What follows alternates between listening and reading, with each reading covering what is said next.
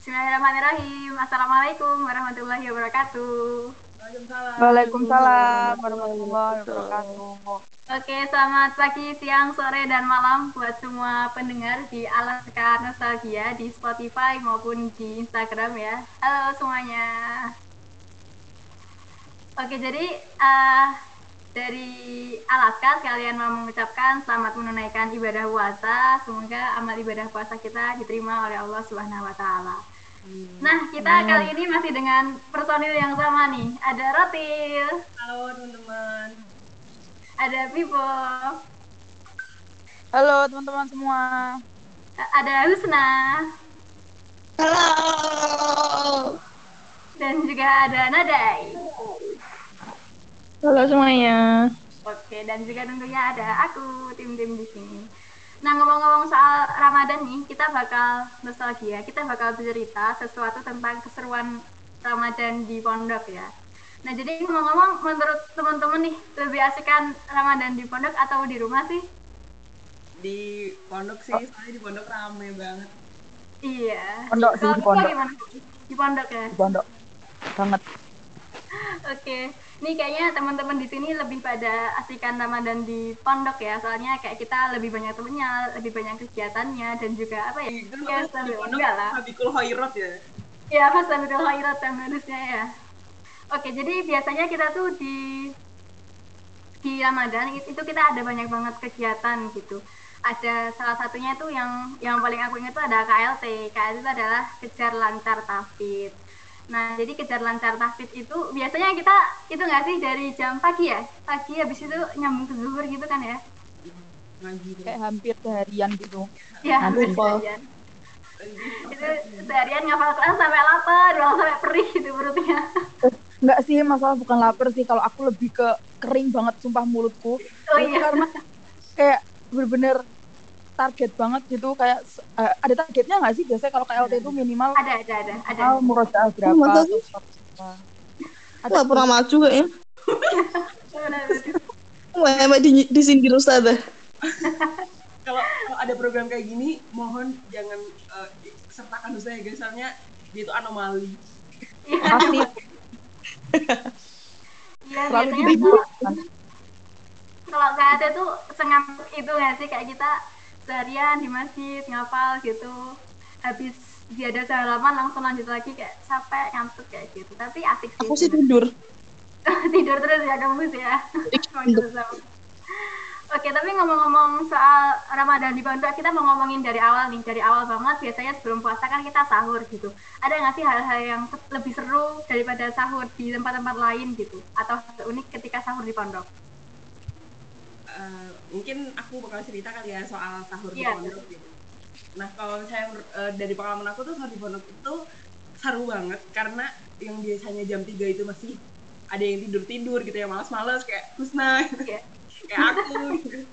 Wah. ada kita kan kalau bangun kan subuh tapi kan kalau misalnya teman-teman yang rajin kan eh, jam 3 gitu udah bangun tapi kalau misalnya Ramadan tuh bener-bener jam 3 semua orang tuh udah bangun nah di sana tuh biasanya nanti ada yang eh, osis gitu yang buat bangunin ngebel kayak gitu buat bangunin teman-teman jadi alarm gitu terus eh, kadang-kadang tuh lucunya eh, sahur itu tuh belum jadi udah mepet imsak gitu tapi sahurnya belum datang jadi kayak kita tuh bener orang-orang tuh udah kumpul nih di matam tuh sambil bawa Iya. piring gitu kan terus kayak mereka tuh kayak "Ih, ini kapan gitu saya nggak datang kayak gitu. Zombie ya, zombie lapar.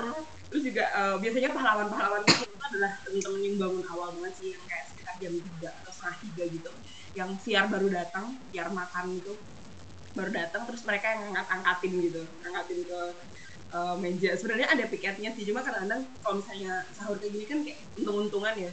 Yang bangun pagi Iya. biasanya yang ngebantuin gitu-gitu aja sih. Terus kayak oh, banyak sih kayak eh, misalnya lupa lupa sahur itu juga sering. Tuh Pipo tuh sering banget tuh nggak sahur kayaknya. Eh, males. Kalau tambahan. Tambahan buat pahlawan sahur. Itu tuh biasanya yang bangun awal atau enggak kisah ibadah itu biasanya kalau misalnya makanan sahurnya belum datang mereka ngambilin ke GT kalian inget gak sih mereka Oh iya, benar. jalan kaki jalan kaki jalan kaki ke jalan kaki sambil bawa itu loh nasi yang berat banget.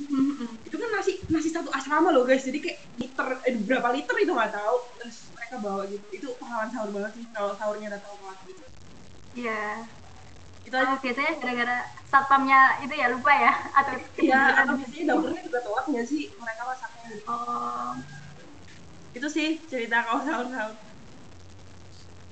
oke, kayaknya asik banget. Tapi kalau sahur tuh biasanya di mana sih? Di kamar atau di mana? Kalau sahur apa bareng-bareng di pondok kayak gitu?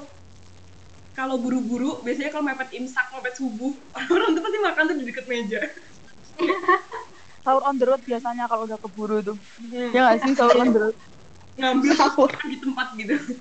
Jadi kayak sambil kayak sambil buru-buru kayak sambil nyaking mau kena sambil bareng-bareng ke masjid sambil kayak udah mau azan sambil kayak cuma minum doang terus Iya, ya udah bener. kayak cemilan seadanya di asrama tuh kayak ya udahlah yang penting makan apalah yang penting masuk Atau kan depan eh, dispenser air gitu. Soalnya di situ air ya, jadi kayak Nunggu koma. Sambil min- nunggu koma terus habis itu minum, iya gak sih? iya, Iya. sambil nunggu gimana kayak gitu deh pokoknya. Biasanya sorry itu, tapi kalau misalnya waktu masih panjang pasti kita ke kamar. Kalau enggak ya kalau emang kelompok makannya seringnya makannya di eh, ruang makan ya ruang makan. Hmm, Bebas. kayak gitu ya. Jadi kayaknya asing banget ya sahur rame-rame gitu, dibangunin bareng-bareng. Nah biasanya kalau eh, habis sahur nih kan kita puasa seharian, biasanya kan agendanya ya sekolah ya sekolah, KLT ya KLT gitu. Nah buka nih, biasanya sebelum buka nih eh, biasanya pada berburu takjil. Nah di pondok tuh kita berburu takjil juga nggak sih?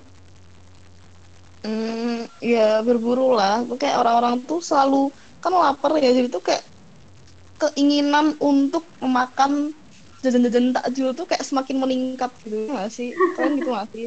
Soalnya aku emang suka jajan kan, terus habis itu semakin waktu puasa tuh jadi semakin suka jajan gitu. Jadi kayak mungkin apa duit yang dihabisin tuh jadi sama gitu terus kayak jadi sering pengen keluar terus beli kayak somai apu kayak apa apa sih es teh sih kalau aku kayak es es itu wajib banget kayak gitu Terus tuh kalau nggak tuh jajan-jajan buanti itu juga itu biasanya tuh kayak orang-orang tuh pada menggila gitu kalau misalnya apa namanya puasa habis itu udah Rebutan beli gitu ya. es kayak uh-uh. terus apa Jadi beli bukanya bisa sambil keluaran, bisa di Buanti sama bisa di koperasi ya. Iya. Hmm, iya, asik banget sih kayak gitu kita berburu takjil bareng-bareng. Eh tapi sebelumnya biasanya kalau mau buka itu kalau kelas 11 ya, biasanya bakal itu kan ya, ada kegiatan ngajar ke TPA nggak sih? Iya. Iya. Apa agak traumatik gitu kita sekelompok kan Hus iya iya tadi iya bener-bener iya sama siapa sih pokoknya kelompok kita tuh paling gak jelas gitu Iya jadi Husna, eh, Husna. kelompoknya Husna itu bukannya yang itu ya yang ada dua kubu bocil itu ya? Iya bukan sih? Yang terus kan yang nggak jelas banget pokoknya kelompoknya Iya, Husna iya, itu benar, RSI benar, bukan? ngajarnya musola. Iya iya konflik sama sekolah lain. Nah, kan kan gitu kan. Oh, konflik sama tempat kekuasaan gitu loh. Iya, Jadi kayak waktu teman-teman ibas itu datang buat ngajar ngajar. ya ampun yang berantem yang jelek banget Ternyata jadi ada anak dari SMA lain yang mereka tuh juga diprogramkan buat ngajar ngaji di situ. Terus tuh kayak bocilnya tuh juga kayak eh, apa ya kayak jadi tuh kayak ada dua klan gitu kayak yang satu tuh maunya tuh dengan mbak-mbak yang Ibnu Abbas, yang satu tuh kayak dengan mbak-mbak yang ini dan nggak tahu itu nggak jelas banget kelompoknya Wisna tuh aneh. Iya, itu kalau nggak salah nggak soalnya mereka tuh mau lomba gitu yang mbak mbak Muhammadiyahnya tuh kayak mereka tuh udah punya. program buat lombain anak-anak gitu loh terus kita kan maunya ngaji ya ya gak bisa lah kok tabrakan kayak gitu ya gimana coba kita mau ngaji mereka malah ngelatih anak-anak lomba Oke. Di TPA berarti kita itu ya, biasanya suka ke masjid-masjid sekitar pondok terus ngajar TPA kayak gitu ya. Oh iya, ada ada satu masjid nih yang kayaknya makmur banget. Masjid Al Huda, kalian inget nggak? Iya, iya. Ingat dong. Iri banget sama yang ngajar di Masjid Iya, Al-Huda iri banget, iri banget. Soalnya bukaannya mereka kan suka ngasih bukaan gratis gitu, terus kayak enak-enak banget. Eh, Iya. eh, tapi tahu, tapi tahu dulu. Yang dikasih tempat di Al-Huda itu teman-teman yang dia tuh nggak barbar. Maksudnya tuh kayak orang-orang yang bisa menjaga keantengannya dia dan mengajar dengan sepenuh hati. Itu itu yang ditempatin di Al-Huda. Bukan kayak aku, kayak kalian-kalian ini nggak bakal ditempatin di Al-Huda. Iya di Al Huda tuh biasanya itu ya menu menu berbukanya paling mewah. Iya bener. Paling soto, bakso gitu. Padahal yang masjid-masjid lain tuh cuma takjil gitu. Jadi ya beruntung banget emang yang yang dapat TPA di Al Huda. Sekalian ngajar anak-anaknya baik-baik, bukanya enak lagi kadang-kadangnya baik-baik kan eh, udah ngomongin buka nah tapi nggak anggap nih kalau misalnya kita nggak ngomongin bubur mesti ada nggak sih bubur sepondok kita bubur-bubur apa aja yang ada di pondok Kalau karena di pondok kan banyak orang ya. eh, apa namanya buka bersama tuh kayak udah biasa banget gitu loh. Pokoknya setiap hari tuh bakal ada agenda bukber gitu kan. Kayak bukber kelompok makan, bukber kamar, bukber angkatan, bukber kelas, bukber apa lagi ya organisasi. Eh, habis itu bukber mentoring. Pokoknya tiap hari tuh ada aja bukber. Habis itu kalau sahabat-sahabat lama. ya sumpah bubur banyak banget. kamu tahu sahabat lama yang piye Ya kayak geng-geng yang dulu gitu loh, Day. Kayak misalnya gengnya dia pas kelas 10, kayak gitu-gitu pasti ada. oh iya kayak reuni apa reuni apa gitu Ya kayak, Kenapa? kayak tiba-tiba tuh kita ada reuni yang dulu kita nggak sadar. Eh, emang iya dulu kita tergabung dalam suatu kelompok ini ya. Tiba kayak ada undangan bubur ini. ya, biasanya kalau reuni itu kamar kamar lama gitu kalau reuni oh iya iya. Kamar lama gitu. Kan mana tiap tiap tahun tuh ganti kamar tuh bisa dua kali. Habis itu ya kamar lama tuh apa bukber sama setiap anggota kamar lama gitu loh. Padahal tuh kita juga ketemu tiap hari. Nama kita bukber bukber terus ya? Aku tuh gak paham. Nggak habis mikir habis itu kalau bukber sepondok bener-bener sepondok sampai Budapur tuh nggak masak gitu. Budapur kan masak terus ya biasanya. Tapi itu tuh buat itu sampai Budapurnya juga ikutan bukber gitu loh guru-guru guru sekolah guru pondok. Wah itu bener-bener kayak gede banget. Tuh biasanya kita ngundang inilah langganan banget sih soto segar Boyolali tuh SSP yang ada gambar ibu-ibu itu loh kuning gitu. Kuning merah. Enak sumpah itu.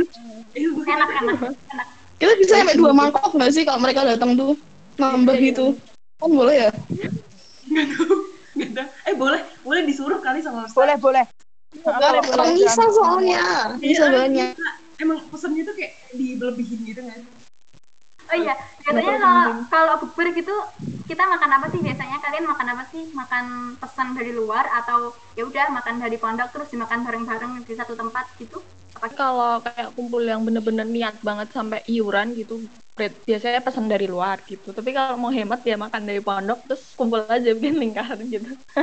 Eh, asiknya tuh ya kan biasanya kalau bukber itu kan berarti kan buat banyak orang ya. Terus kita bikin minumannya itu biar hemat. Kalau beli apa namanya di luar kan bakal mahal banget ya. Jadi kita cuma beli es batu habis itu kayak nutrisari berapa renteng gitu kalau nggak susu atau apa gitu. Terus nanti dibikinnya tuh di ember gitu loh. Ember susu. Pakai plastik sampah.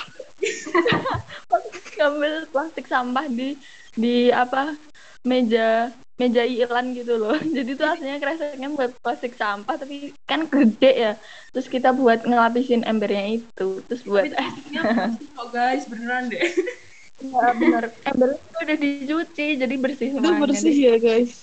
ya bersih bersih Aku percaya tuh bersih. Eh, iya sih aku percaya itu. Cuman tuh kalau lama-lama dikit tuh lama-lama juga ya agak gimana juga ya. Ini nggak ada solusi lain juga. Ya sih nggak ada solusi lain ya kali pakai bak mandi di itu kan di toilet. Bener mending ember pribadi ya kan ya Yang benar-benar benar pribadi sih, toh juga ada plastiknya kan. Itu biasanya Iya. anak-anak yang sok higienis nggak mau join sih biasanya. Iya. Yang yang anak-anak Iya. higienis. Yang Ini kamu join ember dulu. Terus ntar mereka bikinnya pakai langsung pakai gelasnya sendiri kayak gitu-gitu. Ah, tidak, tidak. No. Enggak, aku bukan tim yang seperti itu. Aku tetap ikut ke dalam ember walaupun aku nggak tahu itu ember siapa itu. Yang penting aku dapat minum. Serah Kenapa jorok sekarang mau dipikirin? dibilangin. Iya, ya kayaknya bukber ini asik banget. Biasanya kalau sisa-sisa dari soto sedap gitu, biasanya ada yang ngambilin bawang gorengnya aja di bawah kamar, tahunya aja dibawa ke kamar itu ada loh kayak gitu emang. Orang-orang tuh bener-bener nggak boleh bersisa ya kalau enak tuh. eh bi- biasa kali anak, anak pondok kayak gitu kita tuh harus memanfaatkan segalanya Ya, Udah sih, Tim. Nang-nang kamu punya banyak lauk. Iya, tuh. Oke nih udah buknya udah asik banget tuh bukber. Nah ini yang paling eh, identik dari Ramadan sholat tarawih nih. Ada nggak sih hal yang unik atau uh, yang menarik di pondok gitu soal salat tarawih gitu. Ya banyak lah. Apalagi kalau misalnya kita tuh udah kenyang banget kan nih udah bubar udah kayak bubar kamar lah bubar apa terus makan mukbang lah istilahnya. Terus kayak kita udah makan banyak banget terus tuh terawih kan. Lah terawih ini kita tuh kayak bener-bener habis maghrib itu kayak full makan kayak makan terus sampai nanti kita azan isya. Nah karena kita tuh udah makan doang kerjaannya akhirnya kalau misalnya ada terawih apalagi kayak misalnya terawihnya itu di GT ya itu yang mengharuskan kita tuh uh, jalan sana atau enggak. Pokoknya kita ada apalah dulu gitu misalnya ada kegiatan. Aku yakin kebanyakan dari kita pasti suduin. Kalian ngerasa nggak sih? Kayak misalnya lagi jalan Iya, iya. perutnya sakit gara-gara kalian tuh pasti akan makan pas kita puasa. Iya itu bener-bener. seru banget sih kayak gitu terus ntar kita udah eh, pokoknya aku tuh merasa bersalah ya dengan terawih. Karena dia tuh kayak mendapatkan apa ya kayak kurang prima kita gitu loh. Padahal kita tuh habis buka tapi kita tuh kayak kurang prima aja gitu. Kayak ngantuk-ngantuan terus habis itu kekenyangan lah suduan lah terus apa lagi ya? Ya pokoknya kalau misalnya di masjid ya kalau misalnya di masjid itu kan biasanya ustadznya ngimamin itu kan udah kalau misalnya di GT kan biasanya ngimamin kan kayak cuma anak SMP aja gitu kan atau ustazah tapi kalau misalnya di masjid kan yang ngimamin tuh almarhum Muin terus eh, siapa lagi ya? Ustadz Ahyar Ustadz Umar Ustadz ya banyak lah pokoknya Ustadz Ustadz itu yang biasanya jadi imam. Dan biasanya itu tuh bacanya kayak satu juz gitu. Itu aku ingat bang aku ingat banget ini ada satu momen di mana aku sama Husna kita tuh sumpah Husna aku nggak tahu kamu ingat apa enggak tapi aku ini inget banget. Jadi waktu itu yang imamin tuh al almarhum Ustadz Muin terus pusatnya itu kan biasanya kalau baca satu juz ya. Jadi kayak misalnya satu rokaat itu bacanya eh, satu halaman lebih setengah atau berapa halaman gitu kan. Pokoknya dibagi buat delapan rakaat itu. Nah terus aku sama Husna itu waktu kita tahu kalau misalnya ini bakalan baca sejus aku sama Husna itu bukannya langsung berdiri buat ngikutin sholat rawihnya tapi kita tuh malah nyimakin duduk duduk nyimak pakai Al-Quran.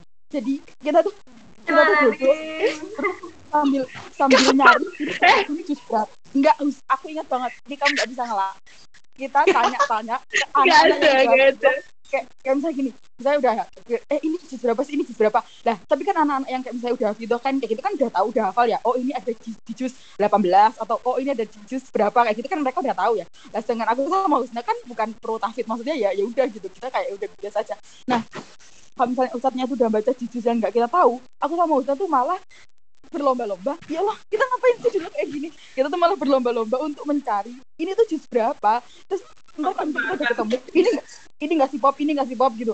Ini ini nggak eh bukan bukan hus ini hus ini hus kita tuh malah nyari-nyari dan kalau misalnya itu udah ketemu kita tuh bukannya malah sambil kan boleh ya kita terawih sambil bawa Quran gitu loh sambil nyimak imamnya kayak gitu kan boleh. Aku sama Husna tuh enggak kita tuh bener duduk dan nyimak gitu nyimak literally kita nyimak dilihat Qurannya gitu. Itu aku kayak bener-bener dan ntar kalau misalnya udah mau ruko baru ntar kita taruh Al-Qurannya terus ntar kita berdiri dan kita sholat. Kayak gitu. Itu ya sering banget. Bukan aku. Popi salah oh bukan aku mau? Husna itu Husna itu Husna gak mungkin. Aku selalu tarawih. Momen momen momen tarawih itu ada yang ya namanya juga tarawih kan. Pasti kan ngantuk juga ya kalau misalnya apalagi dia kita misalnya belum hafal suratnya. Kalau misalnya kita udah hafal suratnya kan kita masih bisa nyimak gitu ya. Jadi kayak masih ada sesuatu lah gitu yang bikin kita nggak ngantuk. Tapi kalau misalnya udah yang dibaca tuh panjang kita tuh nggak hafal aku yakin tuh pasti ngantuk sih. Nah jadi itu kalau misalnya terawih itu ada dua tipe yang ngantuk tapi dia tuh masih bisa terbendung dan tak terbendung. Jadi kalau misalnya yang ngantuk terbendung tuh dia masih bisa nahan gitu. Mas, maksudnya masih stay on Iya. tapi kalau misalnya yang udah yang tak terbendung itu ya udah sholat itu ya sambil tidur gitu. Maksudnya udah nggak kuat lah udah nggak kuat banget. Terus eh, kayak gerakan-gerakan sholat yang menyamankan seperti sujud. Itu kayak biasa kita berdiri itu kan kayak bener-bener geliangan banget ya. Tapi kalau ntar Yes. imamnya udah ngomong Allahu Akbar itu tuh kayak udah surga bagi orang-orang ngantuk. Kayak yes sujud kayak udah seneng banget. Pasti aku yakin dalam hati-hati orang yang ngantuk itu pasti kayak gitulah. Aku juga ngantuk soalnya. Terus nanti kalau misalnya ada sujud terus tuh sujudnya lama banget. Padahal imamnya udah Allahu Akbar tapi dia tuh masih sujud. Terus ntar ntar dia bangun-bangun misalnya udah mau sujud lagi yang kedua ada juga yang kalau misalnya tahiyat akhir gitu ya. Tahiyat akhir tuh ntar imamnya udah salam. Ternyata kita juga udah salam nih. Salam kan assalamualaikum warahmatullahi wabarakatuh nah kita udah salam juga tuh. Nah waktu kita giliran noleh ke samping lihat teman kita kita udah noleh ke kiri. Nah ternyata samping kita itu dia masih tidur. Jadi dari tadi dia tuh masih posisi tahiyat akhir. Ntar kadang tuh sama temen-temennya kayak ditenggorin gitu kayak deng deng gitu. Terus ntar baru ntar dia baru ntar dia apa namanya salam. Ya pokoknya kejadian-kejadian unik lah waktu terawih itu pasti banyak banget sampai eh, ngantuk terus eh, nggak berdiri berdiri kalau misalnya itu ntar nunggu hampir ruko baru ngikut imamnya. Padahal kan itu itu, itu, itu tidak untuk dicontoh ya guys. Karena Iya benar. eh, apa namanya sebaiknya kita tuh waktu imamnya takbir kita tuh langsung ikut takbir. Cuman kan ya oknum-oknum inilah yang eh, kadang tuh nggak nggak langsung berdiri gitu waktu imamnya tuh udah takbir masih nyimak lah masih nyari-nyari lah ini, ini imamnya baca apa masih ke sana kemari dan Tapi biasanya kalau tarawih kita tuh suka rebutan tempat nggak sih yang deket kipas kayak gitu. Nanti kalau yang mukeranya parasut kalau kipasnya nyala terus ada waktu dia gitu. muk mukenanya terbang itu kalau Iya. rebutan kipas itu kalau rebutan kipas gak cuma terawih sih. Semua tiap sholat itu pasti kita rebutan sholat. Apalagi ini apalagi terawih. Jadinya kan Iya. semakin lama lah kalau misalnya kita terjauh dari kipas kan otomatis kita semakin gerah dan semakin tidak nyaman ya sholatnya. Iya. jadinya tuh kita tuh semakin makin mencari mencari apa kipas itu. Dan biasanya ya nih anak-anak kipas Husna terutama. Husna pokoknya itu Husna. Anak kipas tuh Husna. Ada soft depannya kosong karena dia tuh udah berada di posisi PW karena tempatnya dia tuh udah di bawah persis kipas. Kok misalnya soft depannya dia kosong. Dia nggak mau maju. Dia nggak mau maju karena itu adalah soft. Soft yang susah untuk dicari. Bayangin itu eh, oh, aku pernah. Ini kayaknya azab ya buat anak-anak pengejar kipas. Itu kalian ingat gak sih? Kipasnya tuh pernah melotek. Kalian inget gak kipasnya tuh pernah kayak konslet kayak dar gitu kayak meledos gitu kayak itu menurutku adalah peringatan dari Allah kayak ya kita tuh gak mencari-cari dan supaya adil jadi kipasnya dirusakin aja jadi semuanya nggak ada yang dapet kipas berhala Iya. berhala Miyako Iya aku. kalian ingat kan sebutan itu Enggak ya guys ini ini disclaimer ini tidak untuk dicontoh ya Tarawih itu emang memorable banget ya. Selain kita khusyuk beribadah, kita juga ada mestilah mesti ada tantangan-tantangan tersendiri gitu. Ya di Ibn Abbas ada itikaf nggak sih? ada ada. Tapi eh ini jujur ya dari kita berempat ini tuh nggak ada yang ikut iktikaf Oh, eh, dari kita berlima berlima itu nggak ada yang ikut iktikaf Iya, Masa nggak pernah sih?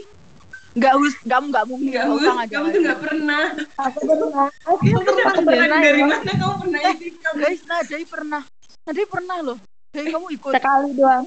Semalam habis itu besoknya enggak. masuk angin ya. Pernah kayak nadai juga. itikaf itu kan kayak ada targetnya gitu kan kalau misalnya kamu gagal memenuhi misi targetnya itu kamu tuh harus mundur gitu dari agenda itikaf kan masa gitu sih. Til Iya iya kayak gitu. ada. habis itu Nadia kan Ada targetnya. semalam. dia gagal Ada ya guys target. eh, aku, mau jelasin soal itikaf itu itu tuh sebenarnya ceritanya kenapa itikaf itu harus sampai ditargetin kayak gitu soalnya itu tuh kayak menguji komitmen anak-anak yang pengen itikaf gitu loh soalnya kadang-kadang ada beberapa temen-temen ya oknum-oknum yang memanfaatkan itikaf itu sebagai eh, apa ya opportunity buat dia tuh keluar kamar di atas bener bener bener jam itu Bener. jam batasnya gitu loh kan kita kayak harus uh, masuk kamar tuh jam 10 nah Hmm. itu biar itikaf biar bisa keluar keluar kamar sampai jam 12 kayak gitu gitu loh bisa gelimpungan di masjid kayak gitu jadi uh, ibadah Betul, tuh misi-misi atau target-target tuh buat uh, lihat komitmen anak ini tuh kayak gimana kalau misalnya dia nggak nggak ini nggak memenuhi nanti dia mundur nggak boleh ikut itikaf- lagi itunya nadai sebenarnya nadai Kayaknya aku pernah deh. Nggak pernah. Oh, pernah Gus kayaknya. Atau ujian ya? Buat ujian ya?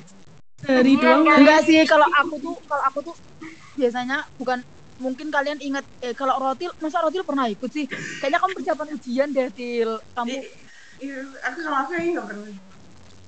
Aku Aku ingat pernah pernah punya niat baik iktikaf gitu loh. Ya pernah lah. Pernah dikit udah udah bagus lah. itu Iya. itu tuh itikaf itu eh sebelum 10 eh, maksudnya dia hari-hari awal itikafnya itu belum masuk ke 10 hari terakhir baru ntar kalau misalnya udah hari ke berapa itu udah baru masuk ke hari terakhir-terakhir Ramadan ya nggak sih Iya iya benar. Iya sih, iya benar. Kadang kita kalau Ramadan juga waktunya berpulangan ya. Jadi itu sih yang asik banget kalau berpulangan sama itu biasanya biasanya itu juga ada pindah kamar dan kepulangan gitu. Nah ini Ramadan asik banget ya. Ramadan di Pondok asik banget dari sahur, dari sahur, buka, bukber, taraweh sampai itikaf tuh semuanya ada paket komplit. Mungkin aku mau tanya ke Husna nih, Husna, Husna, Husna. Ini terakhir nih, terakhir. Eh, apa sih yang paling berkesan buat kamu saat Ramadan di pondok? Aku suka ini sih kalau bubur soto, yaitu sih soto Ya bubur soto ya. Boyolali itu. Saya Iya, kan aku dokum ya. Jadi tuh kayak biasanya apa kayak lihat momen-momen gitu loh. Aku suka banget ngefotoin anak-anak gitu, terus ngefotoin teman-teman, ngefotoin soto-soto, ngefotoin abang-abang soto, ngefotoin mbak-mbak soto. Aku suka banget. Itu memorable banget kalau buat aku. agak serem ya Iya. Kalau Rotil nih, kalau kamu eh, disuruh bisa kembali ke masa lalu nih, contoh apa sih yang pe- pengen, pengen kamu ulang di Ramadan di pondok? Eh, apa ya ya, ya semuanya sih sepaket lengkap Iya. sepaket eh, Ramadan di pondok itu soalnya bener-bener mulai dari apa ya dari ibadahnya terus dari seru-serunya dari cerita-ceritanya kan gitu tuh eh, itu tuh kayak udah pakai lengkap loh di pondok jadi ada teman-teman yang semangatin buat juga juga ada teman-teman yang buat seru-seruan juga di eh, Ramadan di pondok jadi eh, semuanya sih aku kangen banget Ya sih benar-benar. So kangen itu ya. Kalau kalau Pipo nih, kamu yang paling kangen apanya bu? TPA, tarawih, bubur atau Ya. apa nih bu? kangen ya bener sih kayak Roti tadi kayak kayak nggak lengkap aja gitu kalau misalnya nggak nggak ngerasain semuanya tadi kan jadi ya sebenarnya kangen semua cuman kalau misalnya disuruh milih yang paling ya kayaknya kalau yang paling sih teraweh sama bubur ya aku kalau aku Nih terakhir nih Nadai. Kalau Nadai apa sih? Apa nih jadi Nadai yang paling dikangenin dari Ramadan di pondok? Iya, kalau dari aku suasananya gitu, terus kayak banyak teman-temannya gitu loh, jadi nggak sepi. Habis itu kayak ya itu kayak waktu kita sahur kan cuma kayak makan seadanya ya, masa nggak kayak di rumah yang banyak makanan apa, terus buka juga nggak yang wah gitu loh, tapi gara-gara banyak temen jadi kayak rasa enaknya gitu, spesialnya gitu. Oke. Oke ini kayaknya kita semua itu ya merasakan asyiknya Ramadan di pondok gitu. Nah mungkin eh, buat cerita Ramadan di pondok di Alaska Nostalgia kali ini segitu dulu. Nah aku mau mengucapkan eh, selamat menunaikan ibadah puasa lagi ya buat teman-teman pendengar. Tetap semangat buat puasanya dan jangan lupa jangan lupa buat follow Instagram Alaska juga ikuti terus Spotify kita cita-cita kita dan juga insya Allah di Ramadan kali ini bakal banyak konten-konten menarik di Alaska Official jadi kalian jangan lupa ikut submisi karya juga. Oke dari aku pamit undur diri. Semoga bermanfaat dan bisa menambah keceriaan hari-hari kalian.